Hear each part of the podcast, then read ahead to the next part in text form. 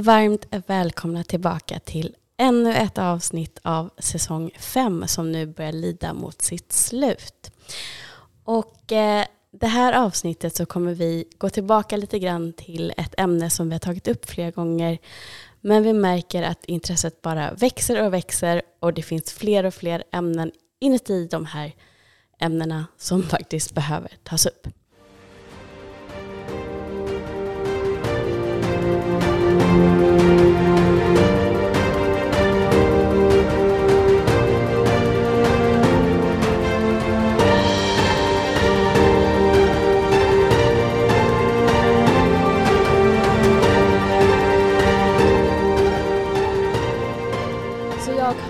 Enkelt gjort så att jag har bett Rosita att komma tillbaka till Bakom fasaden.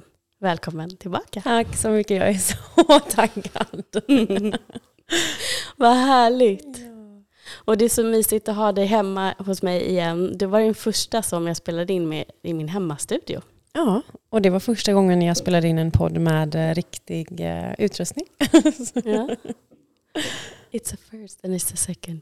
Och den här gången sitter vi med snön vräkandes eh, ner utan, utanför och lite tända ljus. Och Mm. förut så var det sommar. Ja, Det har gått fort. det har gått väldigt fort. Jag tänkte på det på vägen hit. Så började jag räkna på så här, hur många månader var det sedan vi spelade in avsnittet. Och så tänkte jag, det är inte så många månader sedan. Men det är sjukt mycket som har hänt. Alltså otroligt mycket. Visst. För om vi bara ska recappa lite grann så pratade vi sist då främst grundläggande om det här med att vi båda har, alltså alla människor har både maskulin och feminin energi. Och att vi också har utifrån det en primär energi som vi mår allra bäst av att få leva utifrån. Mm. Så det var ju ganska basic om man säger så. Mm. Och sen så pratade vi också om att du i höst då skulle köra igång med kurser. Ja. Och nu har du gjort det. Ja, precis. Nu har jag ju kört en omgång och eh, påbörjat omgång två helt enkelt. Och eh, det är ju en kurs om relationer men med avstamp i relationen till sig själv. Men där kommer ju vi verkligen in på eh, feminina maskulina energier, sexuell polaritet och, och energiinvesteringar. Alltså vad är, det man in, alltså vad är det man investerar sin energi i? Vilka, liksom, som jag nämnde förra podden också, vilka eh, rum i husen? Är det de feminina rummen eller är det de maskulina? Och hur viktigt det är med balans. Eh, och att läka liksom, den delen av en som man inte är i kontakt med. För det är ju väldigt ofta så, speciellt kvinnor då, att eh, vi dominerar i en energi som vi kanske inte riktigt eh, innerst inne har som essens. Exakt. Och det är det vi tänkt prata om mycket idag. Eh, jag tänker de som inte riktigt känner till det här får jättegärna stänga av, lyssna på vårt första avsnitt och sen komma tillbaka bara för att få en större förståelse Mm. vad det är vi pratar om. Eh, vi nämnde ju också, eller du nämnde också i förra avsnittet det här just med eh, wounded energy, att man har liksom en, en sårad relation till det maskulina eller feminina som kommer från en förälder. Men det är ju inte bara föräldrarna som påverkar oss när vi själva lär oss att vara en eh, primär energi som kanske inte passar oss. Utan det är också väldigt mycket samhället och hur det ser ut och framförallt i yrkeslivet. Mm. Och ehm, där så är det ju mångas upplevelse med mig det premierats sedan länge, inte bara i Sverige, men om vi ska hålla oss till Sveriges gränser nu, väldigt mycket just i arbetslivet, att vi är så jämställda och kvinnor ska också få göra karriär. Ehm, men att det känns som att vi kvinnor då tvingas in i den här maskulina energin att absolut vi måste kunna ta beslut och vara drivande och sånt där men att det också blir någon slags, eh, vad ska man säga, att vi måste springa fram Mm. hela Mm. tiden för Mm. att eh, bli lika respekterade och att vi då sätter på oss en maskulin sköld. Mm. Vad tänker du där? Jag tänker att det är ju svårt för kvinnor i en sån maskulin liksom dominerad eh, värld och speciellt i karriären då där man behöver vara eh, i sin maskulina energi i de flesta jobben. Speciellt om man jobbar liksom inom corporate-världen. Jag tror att um, anledningen är för att kvinnor har blivit liksom underminerade uh, under så lång tid och att man ja, men på något sätt behöver typ hävda sin, sin um, um, vad säger man? förmåga eller så här, men jag klarar det här också, jag eh, kan liksom argumentera eller diskutera i de här eh, sammanhangen. Liksom. Att man får hävda, hävda sig och, mm. och eh, på något sätt försöka bevisa att jag kan också ha det här jobbet eller jag kan så.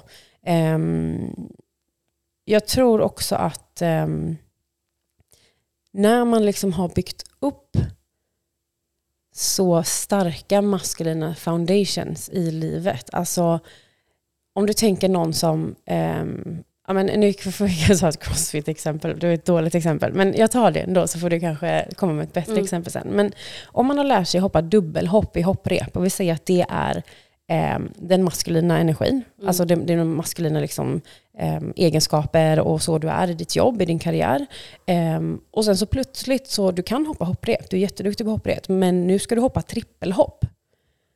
Och det kommer vara skitsvårt. Du kommer snubbla, du kommer bli frustrerad, du, du har liksom inte Eh, även om du vet hur du hoppar hopprep så har du inte nära till att hoppa trippelhopp. För att det kräver någonting helt annat av dig. Mm. Jag tänker att så är det för de flesta i den feminina energin också. Att du vet ju så här, feminin energi och du kanske lyssnar på poddar om feminin energi. Men när du är i livet, så det som du har närmast till, det som är ditt liksom auto, det som är ditt, eh, din liksom, ja, precis, automatiserade tillvägagångssätt, det mm. är det maskulina.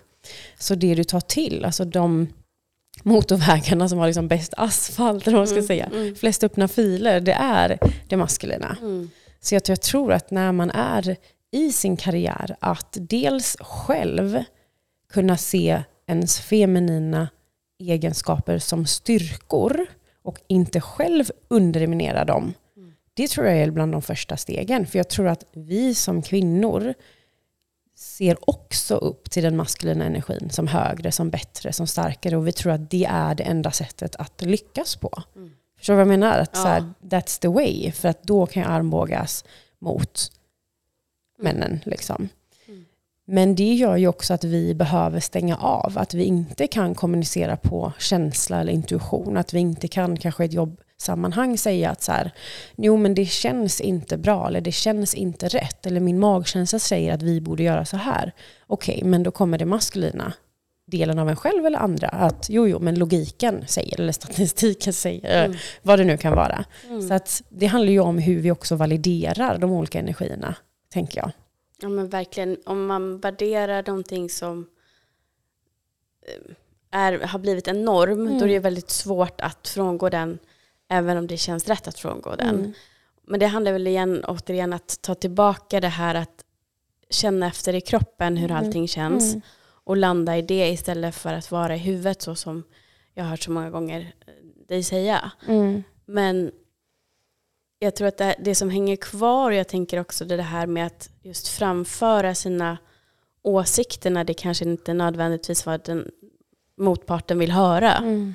Eh, att då gå in i någonting maskulint och vara bestämd och säga mm. det här bara är så. Mm. Kan vara lättare till hands mm. än att sätta sig och säga, vet du vad, jag upplever det så här. Mm. Och bara vara lugn och trygg mm. och även vara öppen för vad den andra personen har för upplevelse. Mm.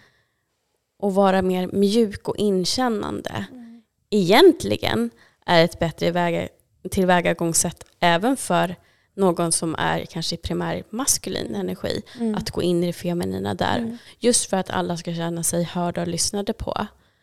Eh, och att det är likadant med konflikthantering eller vad som helst som kan kännas trögt för motparten att ta in. Eh, att om det börjar premieras och sen också då värderas faktiskt högre så blir det också lättare att röra sig mot sådana sätt ageranden i arbetslivet, tänker jag. Ja, för jag tänker att så här, men låt säga det här liksom situationen du började bygga på, alltså ett, ett möte, ser vi, ett, ett jobbsammanhang. Om alla är i sin maskulina energi, då finns det ju ingen polaritet. Mm. Alltså då, så här, alla tycker lika, ja vi kör. Liksom. Men där tänker jag att som kvinna, om man har en feminin essens, vilket de flesta kvinnorna har, även om man kanske tror att man har en maskulin eh, core, men det kanske är en maskulin sköld eller något man har byggt upp, eller just mm. de här motorvägarna som ja, jag ja. försökte jämföra med. Eh, så finns det ju ett ypperligt liksom, tillfälle, en ypperlig möjlighet att testa på i ett jobbsammanhang, att se i ett möte. Om jag kan kliva in i ett möte och vara i... Så här, jag behöver inte alltid gå in i min maskulina energi. För att det kostar mig mer energi. Om du tittar på, på helheten, på din dag, liksom, eller på det långsiktiga. Kostar det dig mycket mer energi än om du kan växeldra i din feminina och maskulina energi. Så okej, okay, mitt nästa möte nu. Här ska jag gå in och bara ta emot, jag ska lyssna, jag ska liksom eh, så här, lean back. Mm. jag behöver inte alltid vara den som driver på, som kommer med förslag, som tar första bästa, så här, Åh, vem kan typ köpa fika nästa? Alltså, mm. vem kan hålla i det där projektet? Eh, jag ska bara liksom sitta lugnt i båten och fortsätta fylla på mig själv samtidigt av, eller med att så här, du är good enough. Du behöver inte alltid vara först på bollen. Det är liksom inte lika med vad du är värd. Liksom. Mm. För det är där jag tror att vi, vi har, många av oss, ett, ett ja men så här, om vi var tvungna att bygga på en maskulin sköld för många, många år sedan, så var ju det en form av försvarsmekanism. Vi var tvungna att stänga av för att saker och ting var oumbärliga kanske. Som i mitt fall, jag klev in i min maskulina sköld för många anledningar, men en av de största var att mina föräldrar bråkade under min barndom, eh, eller ja, hela tiden, eh, dag ut och dag in hela tiden. Och för att jag skulle orka så behövde jag stänga av mitt känslofält. Mm. När jag hade känslor och ville liksom diskutera och säga vad jag tyckte och tänkte, då var jag känslig eller så här, nej men det stämmer inte alls, eller nej men vi har inte bråkat. liksom. eh, och vad händer då? Jo, man börjar stänga av, man eh, börjar liksom dra sig mer åt det som är lättare då att vara i huvudet och inte i kroppen. För att i kroppen känns det, det gör ont, det är liksom, speciellt när man växer upp i tonåren och sådär. Um, så, så himla nära till, till det maskulina hela tiden, mm. som jag sa innan. Att, att det är liksom, um, man känner sig trygg i sitt maskulina. Man är duktig på det maskulina, man har alltid blivit bekräftad i det maskulina. Så att kunna sitta med sig själv, hålla sig själv, och våga vara i det feminina även i jobbsammanhang. Det tror jag är en enorm styrka. Det tror jag är en enorm, liksom, um, superviktigt helt mm, enkelt. Mm. Mm. Jag, jag, tänker också att, precis som du pratade om det, det, där med polariteten också i möten och i ett team. Um, blir ju bäst på så sätt för att det drivande i det maskulina behöver ju också det kreativa mm. i det mm. feminina. Mm. Så att om en person då kanske kommer med idéer och, och liksom bara eh, brainstormar och bara kreativiteten får flöda och någon annan som kanske har en ledarposition då säger jättebra idé, jag tycker vi kör på det, kan du ta den pucken? Mm. Och är den som drivare och delegerar och sådär det blir ju jättebra resultat när de två får samexistera. Mm, verkligen. Verkligen. Det är superviktigt. Men jag tror återigen att det handlar om, kan du hålla dig i din feminina energi? Kan du vara? Mm. Kan du sitta där? Lite som vi var inne på förra gången. att så här, Kan du sitta där och hålla dig från att liksom, ta upp kreditkortet? Eller mm. kan du eh, ja, sitta där och verkligen ta emot komplimanger. Eller, alltså, det, allting är ju, grundar sig i om vi är sårade i vårt feminina eller inte. Liksom. Mm. Och det tror jag många, många är. Mm, absolut. Och där tänker jag att det, ja, om jag ska gå till mig själv personligen, att det har varit, eh, ja, det är liksom eh, ongoing process på det sättet, men att jag övar väldigt mycket på att också ta emot och, och, känna att jag inte alltid måste mm. göra saker även om jag är fullt kapabel till det. Um, som, bara som exempel att det kanske är någon man som bär någonting tungt fast jag också skulle orka det. Mm. Och istället för att säga men jag kan också, du behöver inte göra det. Så har jag övat på att bara vara tyst och säga tack så mycket mm. för att du gör det här för mig. Um, och det kändes jättekonstigt i början för jag har alltid varit väldigt så att jag ska hävda mig, men jag kan också. Ja, Eller jag kan själv.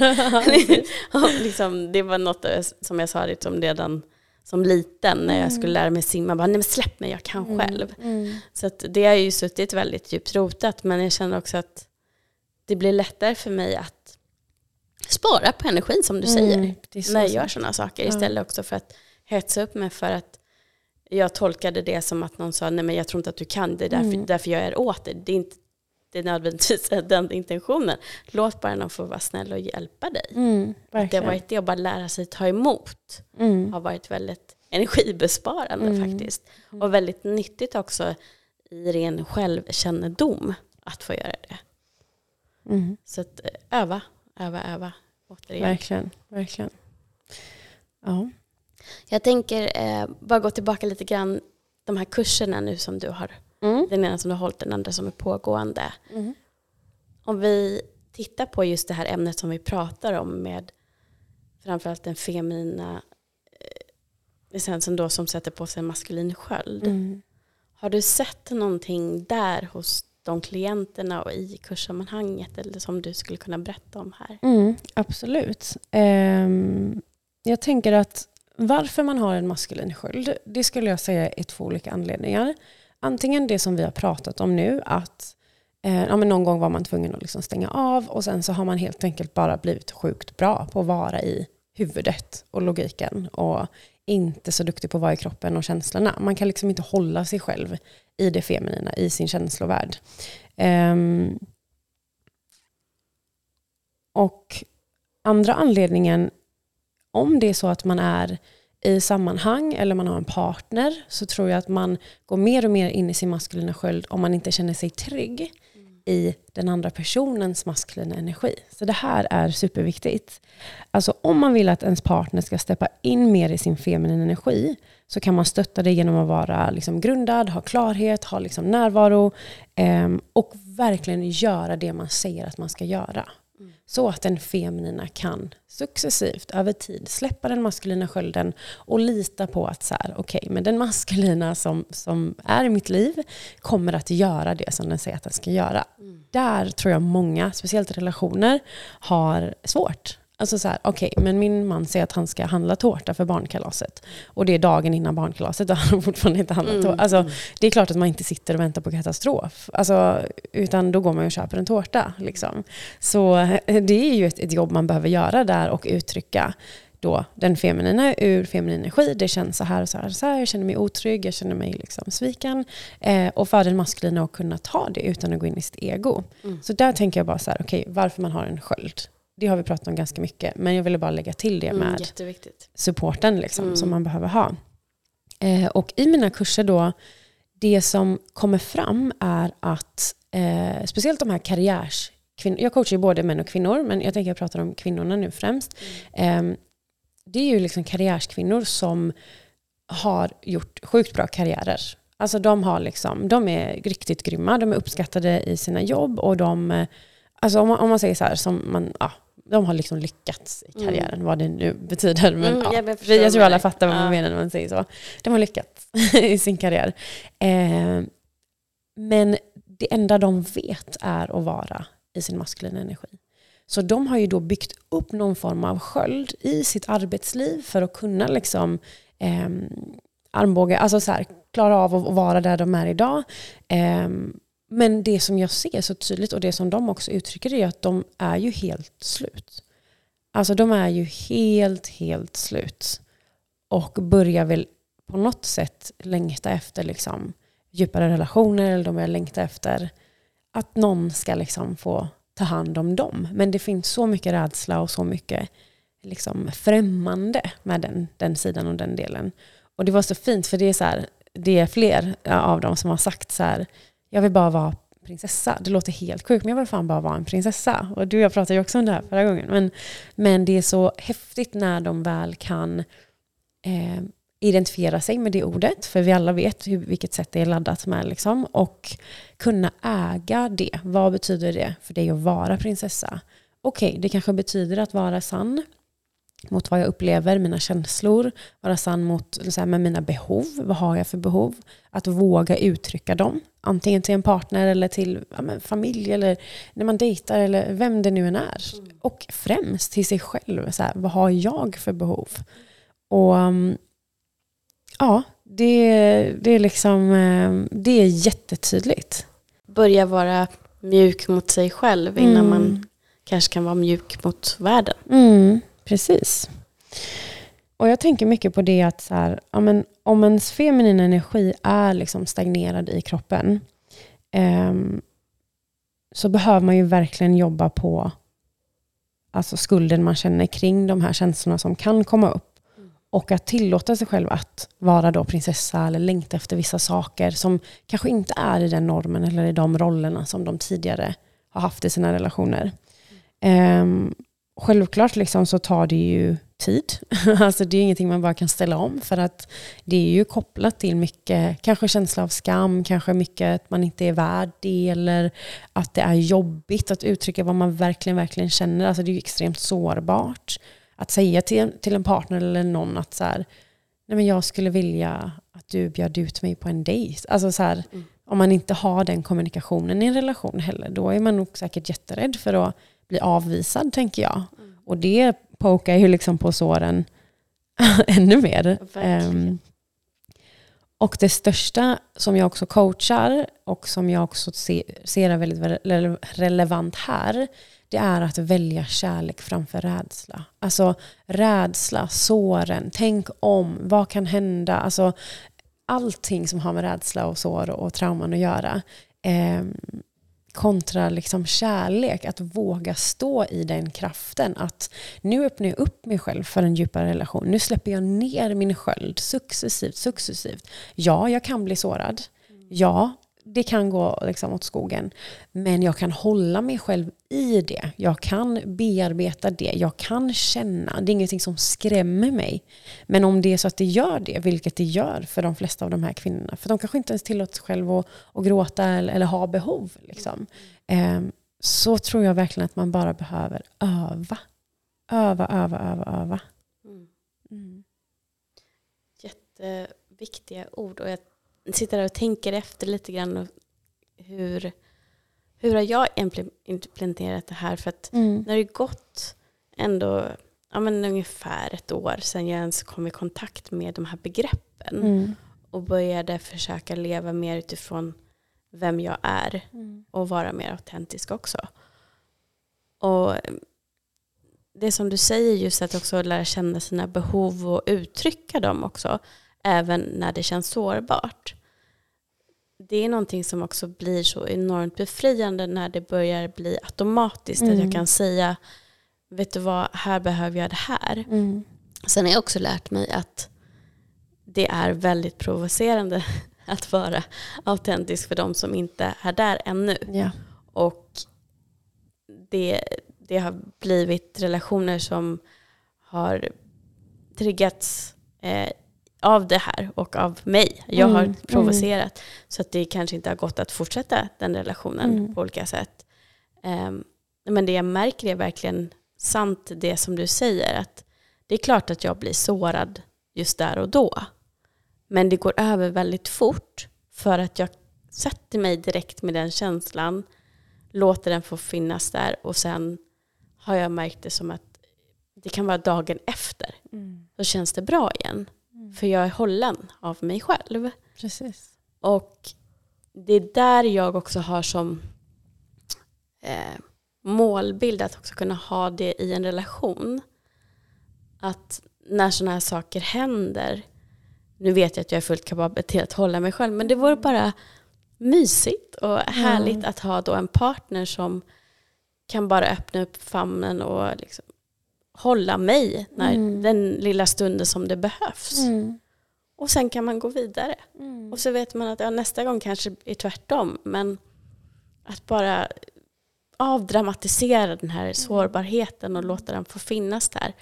Och inte dra likhetstecken med sårbarhet och extrem smärta. För det är verkligen inte så. Precis. Nej, det är något extremt. Sårbarhet eh, insåg jag för ett par år sedan är bland det vackraste och finaste Mm. Och mäktigaste som finns. Och det pratar jag mycket om i mina kurser också. Jag skickar även ut en fantastisk liksom, YouTube-länk på en kvinna som eh, hon gör ett konstprojekt. Vi pratade lite om det här på min live som jag hade inte för inte så länge sedan. Ehm, ett konstprojekt där hon eh, jag vet inte exakt men det är så här, hon ska stirra främlingar som ska säga, ah, du vet, eh, främlingar i ögonen i typ x antal eh, sekunder eller minuter. Mm. Och bara liksom titta på dem. Alltså så. Och sen så öppnar hon ögonen vid ett tillfälle och då är det hennes exman. Mm, och de, gud, den ja, jag vet, jag grät Jag blir så typ mycket. berörd bara du säger för jag vet exakt hur det känns Ja. att titta på den. Och Jag ska det- försöka hitta och Ja. länka till den. Ja. Den heter nog A Minute of Silence Mm. eh, med, jag tror det heter Marina eller någonting. Just det. Mm. Ehm, och det är, alltså så här, så här, alla definierar ju olika vad man ser. Mm. När jag, I min kurs då säger ju inte jag vad jag definierar med videon, utan alla får liksom reflektera kring det själva. Men bara för att koppla det till sårbarhet, det jag såg var ju en kvinna och en man som liksom, inte ett par längre, som inte har varit det på flera år, men som där och då visar så sjukt mycket djup, så sjukt liksom kontakt, sån kärlek till varandra.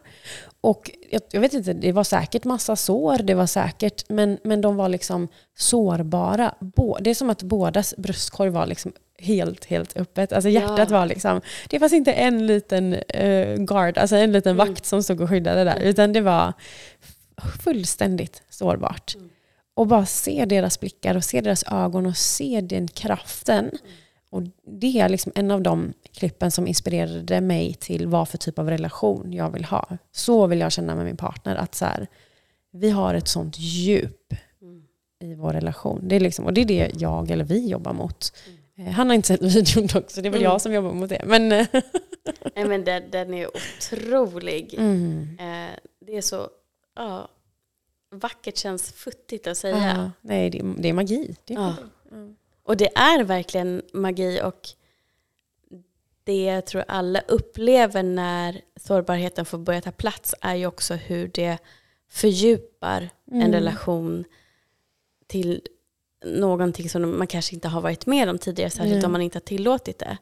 Att en relation kan kännas bra och ja, men vi har det väl Mm. bra tillsammans men kanske inte fantastisk i hela liksom, kroppen fantastiskt känna Mm. Mm. ehm, förrän man har de här öppna sårbara samtalen och bara får dyka ner i hjärtat på den Mm. andra på något sätt. Ja, för att det jag tänkte på är ju så här, hos många så är ju, alltså både män och kvinnor, så är ju den feminina energin stagnerad Mm. i kroppen. Alltså när vi känner en känsla så behöver ju den känslan sättas i rörelse. Så det finns ju två sätt. Antingen sätts den i rörelse och du bearbetar det som är jobbigt, det du känner. Eller så, så här, you suppress it in your body. Alltså du Mm. trycker ner den, du stänger av, du distraherar dig, tar upp din mobil eller du, vad vet jag, du går och festar eller du kollar på Netflix eller du, ehm, ja men du vet så här, ja jag är ledsen idag så nu ska jag gå och dricka vin. Eller du vet, Ja, det ja. finns ju massa olika metoder. Mm. Vissa, för vissa går det ju eh, så långt att man kanske utvecklar spelmissbruk eller eh, andra typer av missbruk eller eh, ja, men typ sexmissbruk eller vad det nu kan vara. Mm. Eh, så emotion står ju för, tänker jag, energy in motion. Alltså det, du hör ju, det liksom, Ja. så man måste sätta den energin i rörelse. Det är någonting som vi är otroligt dåliga på. Alltså vi är jätteduktiga på att distrahera oss, men då är du återigen tillbaks i det sårade maskulina, alltså i huvudet. Mm. Du är uppe i huvudet, du vill inte vara i kroppen. Och för att kunna öppna upp ett sånt djup i en relation så behöver ju vi jobba med det feminina, både som män och kvinnor. För att om du som feminin, eller som kvinna med feminin liksom essens, du sätter ord på dina känslor, du berättar för din partner, men om hans feminina är sårat, han klarar inte alls av att hålla dina känslor. Han får panik. Det påminner honom om hans, eh, ja, men, någon trauma från hans mamma som absolut inte eh, kunde det, eller ja, vad det nu kan påminna om.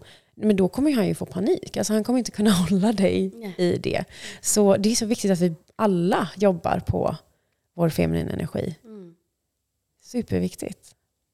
Men om man då eh, jobbar på det här ehm, och känner liksom att okej, men nu vet jag vad, vad mina behov är och vad jag behöver för att må bra. Mm. Och då tänker jag att det går lite in på det här med att då börja sätta gränser för vad som gör att jag inte mår bra istället. Mm. Jag tror att när jag tänker på att sätta gränser så blir det orden bestämd, Mm. ehm, tydlig. Mm. Eh, vad är det mer som jag associerade med? Men kanske inte det här lugna. Ehm, Typ mer egoistiskt. Alltså, ja, men liksom att det, mm. det kanske inte känns nödvändigtvis positivt. De associationer jag får med att sätta gränser. mm, Först och främst, för att det som kommer top of mind det är sånt som vi har fått lära oss. mm, Och det som ofta kommer top of mind för, för både män och kvinnor som gör att vi kan, kan se ner på det som anses vara feminint det är också att när en kvinna inte har blivit lyssnad på historiskt sett så höjer hon rösten. mm, Och det blir en ljusare röst mm, och det blir eh, en frustration som byggs upp mm, så rö- rösten blir mer och mer gäll mm, och det kanske kommer tårar av frustration. Och så kommer den här stora stämpeln hysterisk. Mm. Och det är inte det som någon vill identifiera sig med. Nej. Särskilt inte när man står upp för sig själv mm, och gör någonting som är viktigt också för att man ska må bra. mm, För det, ja, både jag och alla som vi har pratat bara om till exempel medberoende mm, pratar om är ju också hur viktigt det är att sätta gränser. Och nu vet ju jag, bara därför att jag har lärt mig det de senaste åren, massa andra sätt man kan göra det på som är mer effektiva och får en att må bra. Men jag tänker att för de som lyssnar som fortfarande är i det exemplet som jag precis gav, att Mm. det är det de tänker att ja, men då kommer det bli så om Mm. jag börjar sätta gränser. Har du några tips liksom hur man ska tänka och varför det är så viktigt också att lära sig en sund gränssättning? Mm. Vill du bara ge ett exempel på alltså, vad för typ av gräns? Tänker du i en relation eller i, i liksom jobbet? Eller är det något? Egentligen både och. För att Mm. jag tänker om det är så här att min gräns är kanske att jag behöver få lite egen tid Mm. när det har varit mycket. Den är bra. ja, ja. Att jag kanske har ett projekt på jobbet. Mm. Eller det kan vara vad som helst. Jag kanske jobbar i butik och vi håller på att förbereda den stora eh, Black Week-rean som ligger nu i tiden. Mm. Ehm, jag behöver vara i en miljö som där det är mycket fast-paced och det är höga ljud och det är mycket folk och allting. Så när jag kommer hem Mm. så behöver jag bara få sitta lite i tystnad Mm. eller ta en promenad eller någonting och bara få ur mig det här. Mm. Men min partner jobbar också jättemycket Mm. men kommer lite senare och skulle gärna vilja att jag börjar med maten när jag kommer Mm. hem. Hur sätter jag gränsen då utan att känna att Det jag inte. går in där? Nej men det var bara någonting jag Ja, kom jo, så. jättebra exempel. Jättebra exempel. Eh, gud, det var så många grejer jag tänkte. Vart ska jag börja? Eh, jag, tänker, jag tänker att vi kommer landa i hur man kan säga och sätta gränser. Men jag bara tänker att så här, först så handlar det ju om det vi har pratat om. Att validera femini, alltså femininiteten och allt det som, som liksom är kvinnan till exempel. Då. Vi har en hormon, liksom ett helt annat, eh, en helt annan cykel, en helt annan liksom, eh, dippar och toppar och dalar. Vi, vi är påverkade av vår cykel på ett helt annat plan. Vilket gör också att vi har ett helt annat återhämtningsbehov. Det kostar oss mycket mer energi att vara i vår maskulina. Så är vi i vår maskulina hela dagen så har vi väldigt, väldigt stort behov av att ladda batteriet. Och det gör vi genom feminina. Alltså vila, eh, ta emot, vad det nu kan vara. Connecta med naturen, med våra emotioner, med våra sinnen. Eh, prata med någon vi bryr oss om. Hur det nu kan vara. Det är väldigt individuellt. Liksom. Mm. Ehm, så jag tänker att steg ett, ja, eller två, Nej, men de första stegen, Ja. det är ju att validera feminina behoven som likvärdigt. För att en man kan vara i sin maskulina, speciellt de här maskulina, maskulina personerna, de som har liksom 20 företag och kan jobba nonstop, som inte och kommer hem och fortfarande så på gött humör och typ så, ah, vad ska vi hitta på nu? Och man känner sig typ utbränd för att man har haft liksom fyra möten och, och så. För att det kostar, det är ett annat, vi betalar med ett annat pris. Mm. Ehm, så det är liksom en av de första grejerna. Så här, validera lika, speciellt om du är i en relation och din partner, du märker att din partner är trött och behöver sova tidigare och sådär. Att validera det mm. likvärdigt. Att tänka att, aha, den personen kanske har en annan essens. Mm. Den personen kanske har ett annat behov och jag dömer inte det bara för att det inte är samma som min essens. Mm. Så båda för det finns två olika. lika Exakt, värde, liksom. för det finns två olika. Yeah. Speciellt kopplat till liksom, hormonerna, vi är mycket i våra känslor, vi um, de, alltså bland det viktigaste för oss är relationer. Vi värdesätter relationer högt. Vi kan inte stänga av på samma sätt om vi inte då såklart är extremt mycket i vårt maskulina. Men vi får ju mer energi och mår bättre av att, att vara i kontakt med vårt feminina helt enkelt. Mm. Sen tänker jag också, nu vill jag nog inte säga ett och två för jag kom på att den här är kanske typ ännu viktigare. Men ja, mm. det är ju att du då som kvinna vågar värdera och lyssna på din kropp och kommunicera dina behov oavsett om de inte är logiska. Det känns som det här, jag känner mig trött, jag känner att jag behöver vara själv. Alltså, för att om du själv utstrålar att det är det är inte rätt eller det är inte, det är inte liksom utifrån normen eller det inte är, är likvärdigt så kommer det inte vara likvärdigt. Alltså mm. du behöver äga dina behov. Du behöver se väldigt högt på det här. Du behöver ha ett högt pris på din hälsa. Liksom. Mm. Har du inte det så kommer du bli överkörd. Mm. Eh, tänker jag. Så det är två delar. Dels att man då kanske kan introducera sin partner eller förklara hur man funkar och man vågar stå i det. Vågar själv utstråla att det är din sanning. Liksom. Mm. Jag behöver vila mer, jag behöver sova mina nio timmar. Alltså, de flesta kvinnorna jag pratar med, alltså, vi är ju väldigt lika. Så fort vi börjar erkänna och vi börjar, börjar utforska våra behov så är det ju liksom stort sömnbehov. Min partner sover sex timmar, min pappa sover sex timmar. Alltså så här, mm. Jag behöver sova typ åtta till nio timmar mm. mm. per natt för att vakna upp och känna mig liksom pigg. Mm. Jag behöver vila, jag behöver liksom, jag kan inte jobba, det gjorde jag ju förut när jag var bara i mitt maskulina, när jag var avstängd. Jobbade åtta till fem som chef och sen så gick jag och tränade två timmar och sen så liksom helgerna var jag projektledare av all, alla möjliga slag. Liksom. Men idag kan jag typ inte ens jobba helt, alltså jag, heltid. Det, jag, kan inte, jag kan inte vara borta hemifrån åtta till fem. Alltså det funkar inte för mig. Um, så det handlar ju om att erkänna sina behov också. Mm. Um, så ja, det är väl de två viktigaste som jag tänker på. Sen då att kunna eh, kommunicera kring detta och våga sätta ord på det, det är ju helt enkelt att utgå ifrån sin känsla och våga säga det. Jag menar hur din partner eller familjemedlemmar är mottagliga för saker och ting, eh, det är svårt att veta och det finns många olika sätt att, säga saker på. Men jag tror att jag hade nog sagt typ så här, um, ja, men så här, det är viktigt för, så här, för att jag ska typ um, för att jag ska kunna vara en bra partner så behöver jag få lite tid för mig själv för att bara vara en liten stund innan vi liksom gör i ordning middagen. Eller typ så här, jag skulle verkligen uppskatta om du kunde göra middagen. Så, ja, vad det nu kan vara, för att, bla bla bla. Så att, eh, det finns olika sätt att säga det på. Ehm, jag tror bara att det viktigaste är vart det kommer ifrån. Kommer det från logiken eller pushar du och kör ändå? Eller kan du liksom hålla dig själv i det feminina, i dina behov? Vad är liksom ditt, ditt pris? Mm. alltså min, mitt pris för min, mitt mående och att jag är min bästa energi. Mm. När jag servar andra i mina kurser, eh, när jag jobbar som tränare, vad det nu kan vara.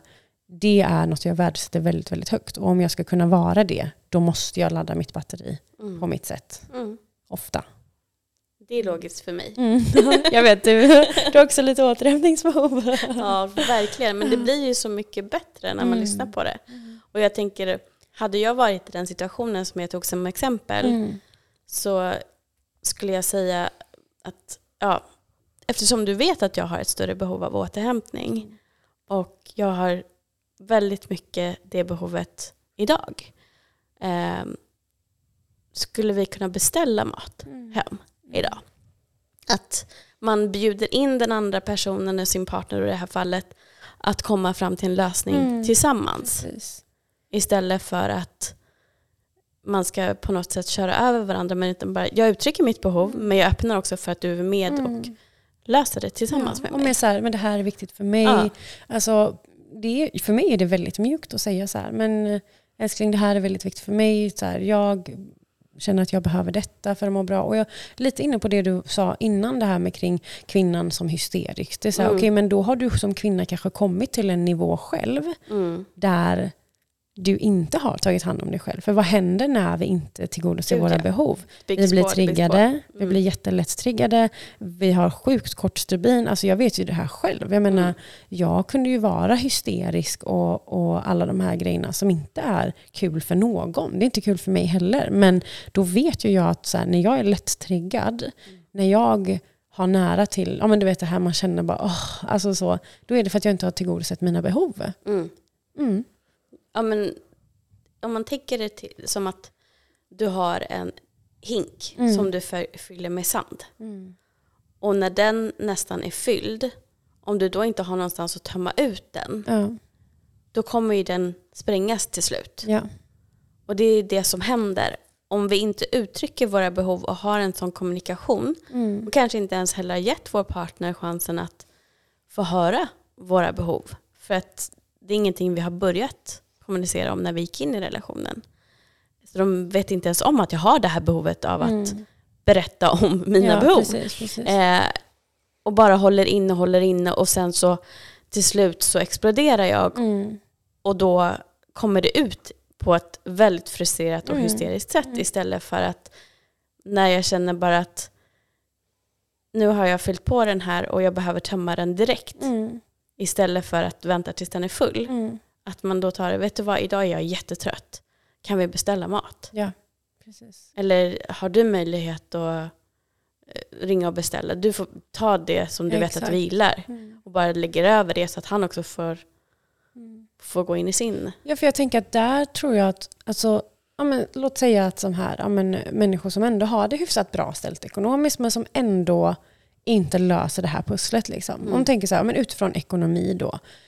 Okej, men om du är supertrött, du har ett stort liksom, behov av återhämtning och, men ändå inte vill beställa mat den gången eller ändå inte vill eh, få städhjälp en gång eller du vet vad det kan vara som underlättar livet Mm. då han, tänker jag att så här, varför är du i ditt ego? Varför definierar du, varför kan du inte be om hjälp? Varför ser du det som en svaghet? Ja.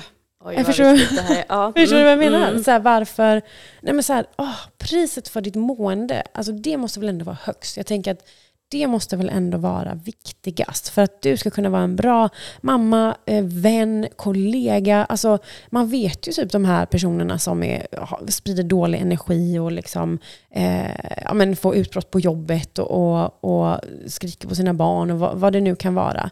Så här, den där sanden du beskrev, det är ju stagnerad energi i den där jävla hinken liksom, som bara byggs på, byggs på, byggs på och sen till slut så kommer det ut någonting att ja men du eh, gör bara så här och du är så här och du eh, hit och dit. Mm. Är det konstigt att, att den andra partnern, så här, jag skulle också gått in i mitt ego och bara liksom, absolut inte bemöta dig om du sitter och kastar skit på mig. Jag har inte gjort någonting. Alltså så här, that's your shit. Don't project your shit on me. Alltså så, det har jag faktiskt fått höra.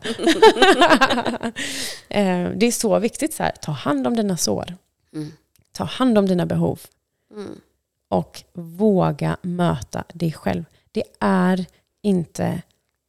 Alltså så här, jag tror att vi målar upp, jag har en jätterolig jämförelse. Så här, eh, en person som var i mitt liv för många år sedan sa till mig så här, jo men eh, jag vågar inte öppna upp den där svarta lådan inom mig för att jag är så rädd för vad som ska komma ut. Mm. Och jag tror många kan identifiera sig i Det det. är många att så här, som har sagt det till mig också. Aha, eller hur? Mm. Att så här, men om jag börjar lyssna på mina känslor eller om jag bara är eller sitter så här, vad, vad kommer komma ut? Typ att man är liksom rädd och orolig. Men jag har nog aldrig hört någon som har öppnat den där svarta lådan och som har liksom mått sämre.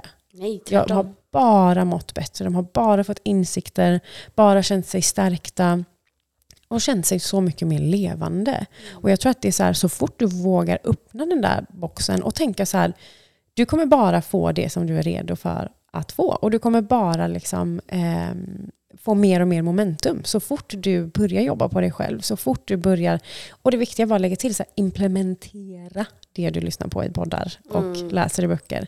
Så fort du börjar implementera saker och ting, det är då den stora förändringen börjar ske. För du kan lyssna på hur många poddar du vill, du kan läsa alla självhjälpsböcker i världen, du kan gå kurser för hundratusentals kronor, men det kommer inte, det kommer inspirera dig i stunden, absolut. Men det kommer inte förändra någonting om du inte implementerar det som du och vågar sätta det i, i rörelse. Liksom. Mm.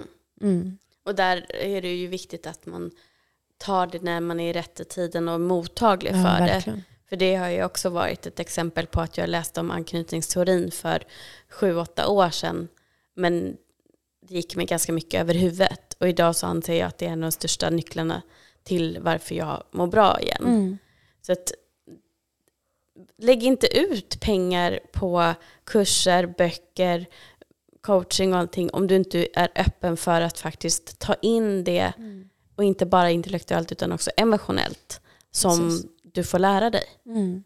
För det är då den stora förändringen kommer och det är då det kommer inte bara mentalt utan också rent fysiskt. Mm. Du kommer känna dig lättare. Du kommer ha tillgång till att få utlopp för känslorna. Ja. Att nej, åh gud, nu, börjar jag, nu behöver jag gråta. Mm. Ja, men det kanske fortfarande är jobbigt. Ja, men då sätter jag på någon sorglig film så jag bara får Mm. trigga igång det. Ja, Så jag får ut det innan man har kommit närmare till dem. Mm. Men att tillåta och börja närma sig acceptansen och också få landa i det här lugna, Mm. trygga, harmoniska. För att det är då du också har möjlighet att framföra dina önskemål, dina behov på ett lugnt sätt så att du känner att nu tar jag ansvar för min rätt till att få mina behov mötta.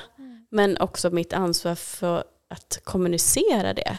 Så att de har också möjlighet att möta mig som jag kommunicerade till. Mm. Och jag gör det också på ett sätt så jag känner att jag blir saklig och så som jag önskar vara. För att jag vill att det ska tolkas på det sättet som jag säger det. Mm. Precis. Och jag tror att så här, vi har gått igenom hela livet, speciellt barndomen, där liksom begreppet, begreppet perfekt började liksom myntas för oss. Att så här, Mm. Vi vill vara perfekt för våra föräldrar, vi ska vara perfekta i skolan, vi ska vara perfekta eh, ja, inom sport eller dans eller vad det är nu vi hittar på. Och vi har laddat det här perfekt med någonting som faktiskt inte existerar. Mm. Alltså det finns inte, perfekt existerar inte. Nej. Och vi kommer aldrig uppnå det. Alltså det är så abstrakt och när vi då Ja, men då kanske någon säger så, ah, jo men jag har uppnått perfekt. Ja. Visst. Eh, för då kommer nästa perfekt. Alltså så, ah, jag har nått min drömvikt typ. Ja men när du är där så kommer du ändå tycka olika saker. Du kommer ändå inte vara nöjd. För det är inte i det ytliga, det perfekta som det sitter. Det är inom dig. Mm. Så att tro också, för jag tänker det här är så viktigt, för det här är ju en podd, liksom mental hälsa, personlig utveckling, det är att det handlar ju inte om att vi aldrig ska fastna i det maskulina. Det handlar inte om att vi aldrig ska ha en maskulin sköld någonsin. Det handlar inte om att vi eh, ska kunna bära oss själva liksom, och må kanoners hela tiden. Utan det handlar ju om att kunna vara i en kontrast och ta oss ur i den kontrasten med en insikt, en reflektion, någon förändring vi vill göra. Alltså någonting positivt. Att ha utvecklat ett nytt verktyg eller fått, liksom någon, fått någonting ur den kontrasten eller dippen eller vad det nu kan vara. Mm. Och att kunna hålla sig själv i, ja, men om jag känner att jag vill gråta, gråt. Jätte, jättebra. Energy in motion. Rör, sätt rörelse på skiten. Jättebra. Jag känner att jag vill eh, ehm, typ bara kolla på film för jag känner mig deppig idag eller jag har ingen motivation till att göra allting på min to-do-lista. Mm. Nej, det är grattis, det är din kropp som kommunicerar med Ja. dig. Lyssna på den. Ja. För att tre dagar senare eller sju dagar senare så kommer du fatta att aha, nu förstår jag varför jag kände så. Kanske någonstans du är i din, i din liksom cykel eller så var det någonting annat som, som knackade liksom på dörren. Mm. För risken är då när vi blundar för det här och vi inte låter oss själva eh, vara i, i det, det är ju att vi kraschar. Att vi bara så här, nej nu har jag sprungit i liksom 200 km i timmen i två veckor och känner mig typ utbränd. Fast det är fredag och det är helg. Alltså, Mm. Det är ju det det handlar om, att våga vara i de här kontrasterna och våga hålla sig själv i de kontrasterna och acceptera det faktum att du kan inte vara perfekt, du kommer aldrig vara perfekt. Det finns, perfekt existerar inte, det är en social konstruktion. Mm. Det finns inte. Och även så här, vi som jobbar med detta och du som har podden, nej men vi jobbar ju också varje dag. Alltså, vi jobbar ju varje dag på de här grejerna också. Mm. Det finns ingen som har allting. Liksom. Nej, och jag tror att det är viktigt också. Det är viktigt det du säger. Spola gärna tillbaka och lyssna flera gånger. Men jag tänker också det här att det som jag skulle kunna översätta till vad, vad som är perfekt det är också att kunna se livet för vad det är. Mm. Att det är upp och nedgångar. Och det är ingenting konstigt. Det är så det ska vara. Men att inte fastna i dem utan bara tillåta, som du sa till exempel, att om man vaknar upp en söndag och känner att ja, jag vet att jag borde städa, jag borde tvätta, jag borde göra det här och det här. Men vad då borde?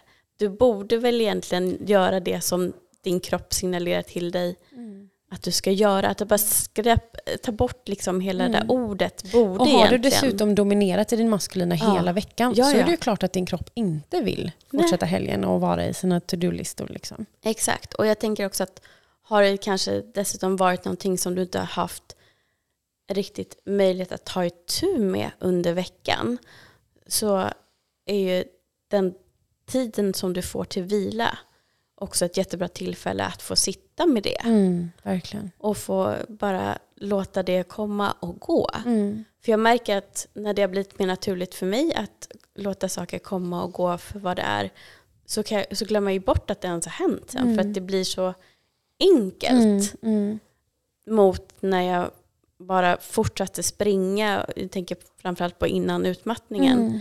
När jag bara hade tusen saker för mig hela tiden. Och stressen bara byggdes på, byggdes på, byggdes på. Jag lät det liksom aldrig vara, jag vill aldrig vara ensam. Jag hade alltid folk runt omkring mig. Och jobbade tio timmar om dagen. Plus att jag var eh, involverad i fotbollen. Och liksom det, det fanns aldrig någon tid för att känna efter och lyssna på vad min kropp sa till mig. Ja, för du, är när du är i det så hör du ju inte heller. För att om du är i din maskulina och du är så avstängd hela tiden, då finns inte en chans att du hör din feminina kommunicera. Då är hon så, hallå, Ja men gud ja. i bakgrunden. Det, det handlade ju bara om att jag måste visa att jag orkar, jag måste prestera Mm. för att visa mitt, de ska bekräfta mitt Precis, värde, de precis. utifrån. Yttre mina arbetsgivare Mm. eller mina föräldrar som eh, tyckte att det var jättebra att jag fick bra betyg och då, blev jag Mm. liksom, då sparkade jag bakut och gjorde tvärtom fast jag Mm. kunde så ville jag inte bara för att jag ville inte bli värderad på det sättet. Mm. Men sen hamnade det ändå där i, yrkeslivet och jag tror det är så många som, som hamnar där. Eh, och det är därför det är så viktigt också att våga ifrågasätta sina egna livsval 100 procent. och tänka efter nu, särskilt om man lyssnar på det här. Bär jag på den maskulina skölden fortfarande? Har jag ett sårat maskulint eller feminint inuti mig? Hur agerar jag ute i världen?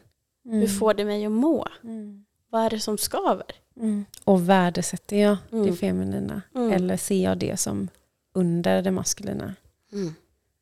Det var så intressant det du sa om, liksom, ja, men, spann vidare på det med helgen. Mm. Att så här, om du har massa to-do, eh, saker att göra på din lista och så vidare. Och sen så vill du egentligen absolut inte göra det. Jag har märkt att det funkar för mig att då göra något feminint. Alltså att tillåta mig själv att så här, okej jag vet att jag har en lista. Det finns saker som, som behöver eh, göras. Men om jag unnar mig själv att typ gå på en massage eller gå ut och promenera eller bara vara och sen så typ är det som att Alltså, för då laddar jag ju det batteriet. Och då är det som att nej, men när det batteriet är tillräckligt laddat så får jag typ inspiration. Alltså, om jag går en promenad och bara tänker på att nu ska jag bara njuta av den här promenaden.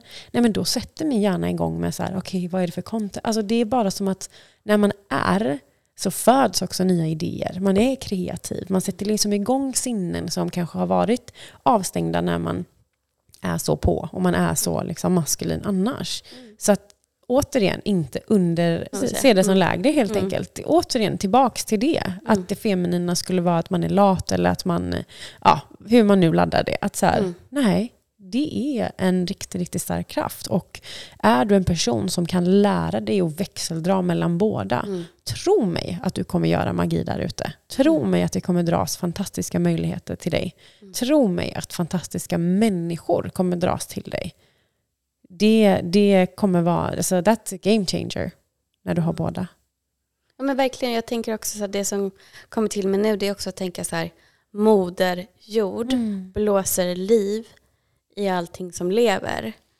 Om du i ditt feminina, när du är återhämtad och har din, står i din fulla kraft, Mm. hjälper till att blåsa liv i dem runt omkring dig, då är ju det baserat på att du har den energin påfylld i dig själv. Verkligen. Så man tänker då att man liksom går in i någon slags urkraft och hur viktig den är. Jag menar, vi lever på Moder Jord. Ja, verkligen. ja, så himla sant. Så rätt.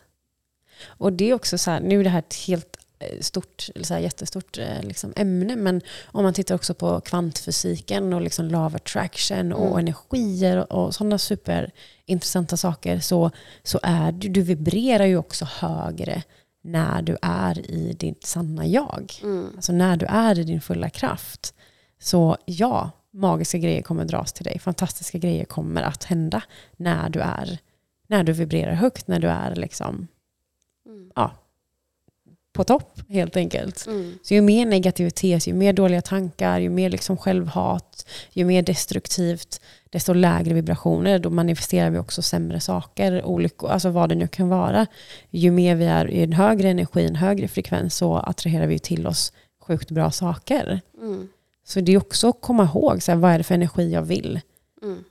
sätta ut i världen och vad är det jag vill ha tillbaks? Jo men Mm. det är ju mycket bra grejer. Liksom. Mm. Så, ja. Jag tänker också någonting som är värt att tänka på när man börjar sätta gränser, uttrycka sina behov. Det är att alla du möter kommer ju inte vara där du är. Eh, det finns de som kommer inte ha kapaciteten att möta dig. Eh, som kanske är helt främmande för den här typen eh, av kommunikation. Ehm, det kan vara de som blir triggade av dig. Därför att de önskar innerst inne att de skulle kunna göra likadant. Eh, och det, det här kan du möta på jobbet, du kan möta det i nya vänner, du kan möta det i nya relationer generellt. Eller gamla relationer. Och det som är viktigt också att förstå är att det har inte någonting med ditt värde att göra. Det har ingenting personligen med dig att göra utan det är vad du väcker i dem som ligger redan i dem. Mm. Så försök att förstå att det är inte personligt, om det är så att du får en reaktion som inte är den du hade önskat eller behövt. När du övar på det här och börjar utgå från dig själv, utgå från dina behov när du kommunicerar. Fortsätt ändå. Se det som att det här är en person som har själv jobb att göra. Mm. Det har inte med mig att göra. Eh, är det någon relation som du kanske då ska ta ett steg tillbaka i, kanske till och med avsluta för att du inser att det kanske kommer bli så att ni krockar och krockar och krockar. När du är på din resa, må så vara. Ja, Vissa människor kommer bara in i våra liv för att lära oss någonting 100 procent. Ja. och är det så att ni möts igen när den personen kanske själv har börjat på sin resa, då är det ju menat så. Men annars kanske det bara är en läxa och en lärdom. Det betyder absolut inte att du ska sluta gå på din väg. Och det tror jag är viktigt att säga, för jag har mött både kvinnor framförallt som har hört av sig till mig, men också det personligen, att när man börjar jobba på sig själv och börjar sätta gränser framförallt, så faller många bort. Eh, Men det är någonting som tillhör processen skulle jag vilja säga. Mm. För jag tänker att det finaste i kärlek, när vi genuint älskar människor, så vill vi ju inte förändra dem. Vi, vill ju inte, vi unnar ju dem allt gott i världen. Liksom. Och jag tänker att sätta en gräns, kan jag acceptera en gräns som du sätter, så är ju det ett fantastiskt kvitto på att ja, men jag älskar dig för den du är och att jag unnar dig det.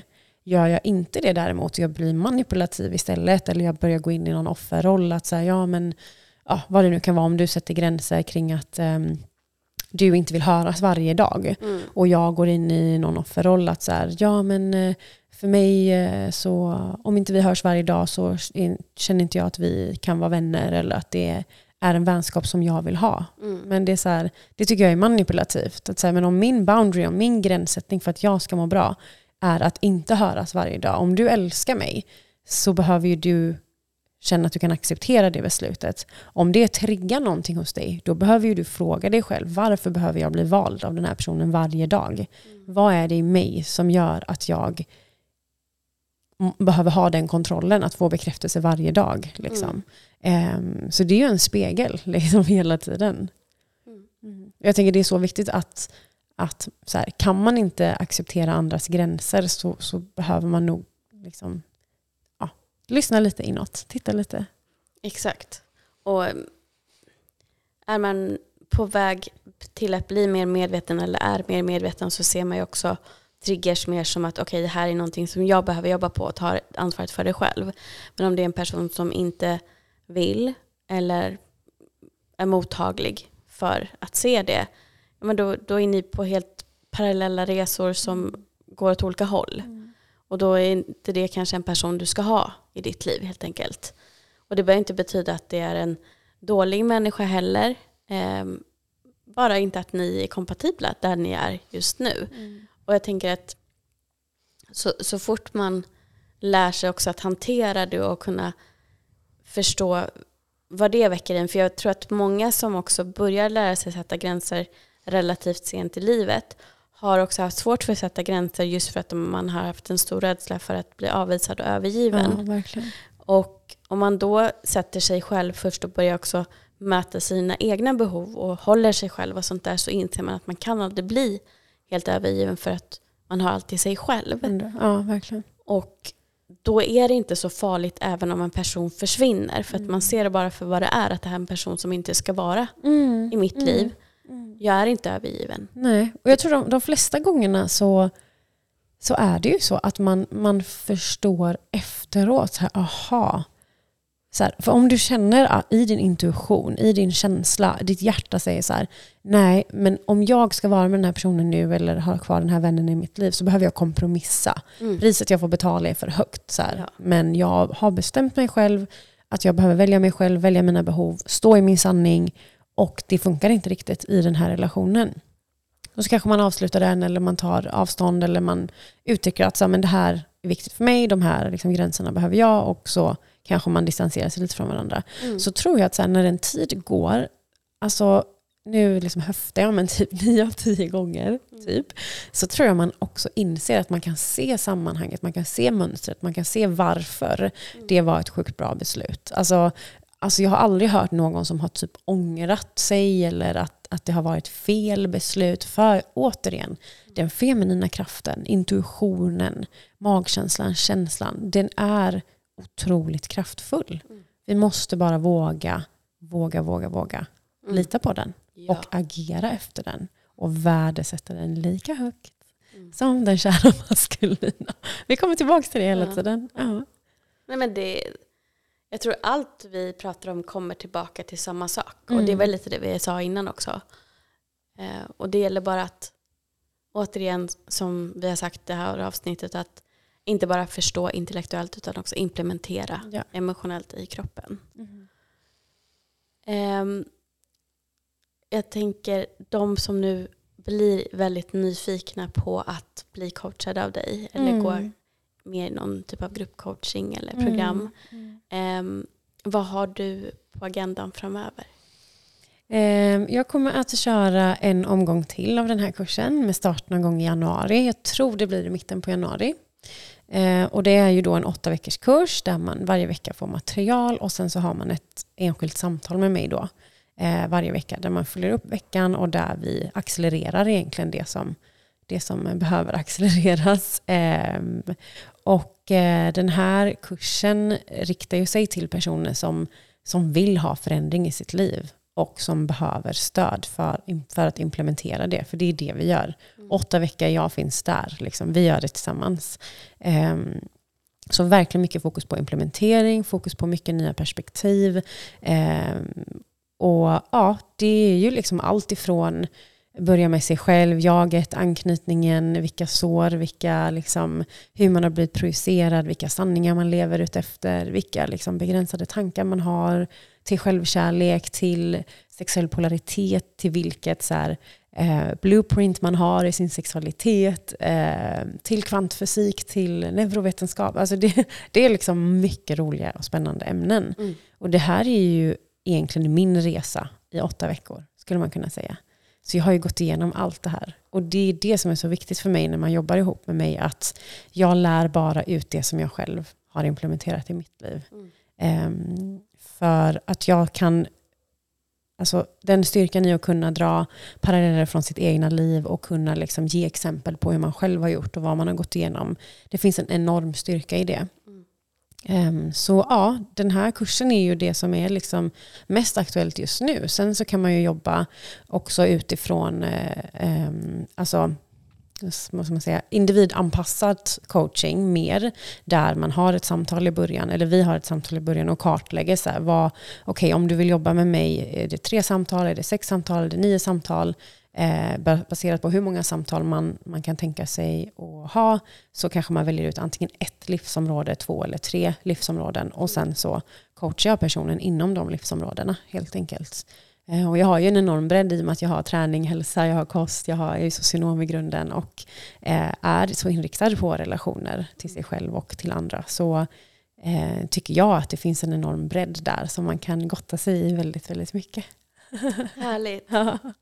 Och, och mycket trovärdighet. Ja. Jag är ju av den sorten så att jag vill gärna att den jag går hos, om det är en coach eller terapeut, ska kunna förankra i sitt eget liv. För att då känns det som att de förstår på riktigt vad det är man har gått igenom. Och då kan mm. man också, precis som jag själv, jobba mycket med podden. Att jag ger mycket exempel från mitt egna liv.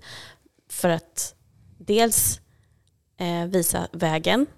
Mm. För jag tycker att det är väldigt givande själv. Men också ge trovärdigheten i att jag vet att det här funkar. Yeah. på något sätt. Så det, det tycker jag är jätte, jättebra och jätteviktigt. Mm. Eh, som vanligt så kommer jag i beskrivningen till det här avsnittet skriva alla kontaktuppgifter som finns till dig. Där. Så att du som lyssnar kan bara gå ner där eh, och kika. Ja, det finns ju mycket bra att hämta bara på Instagram. Liksom. Mm. Jag försöker att skriva en del content. Um, så där kan man ju också verkligen bara börja från början och typ läsa och reflektera själv om det så att man inte har möjlighet att, att anlita mig. Liksom. Jag är väldigt öppen för att diskutera saker på, på DM eller liksom så, bolla tankar och reflektioner. Så det är bara att höra av sig. Det uppskattar jag, tycker det är roligt. Mm.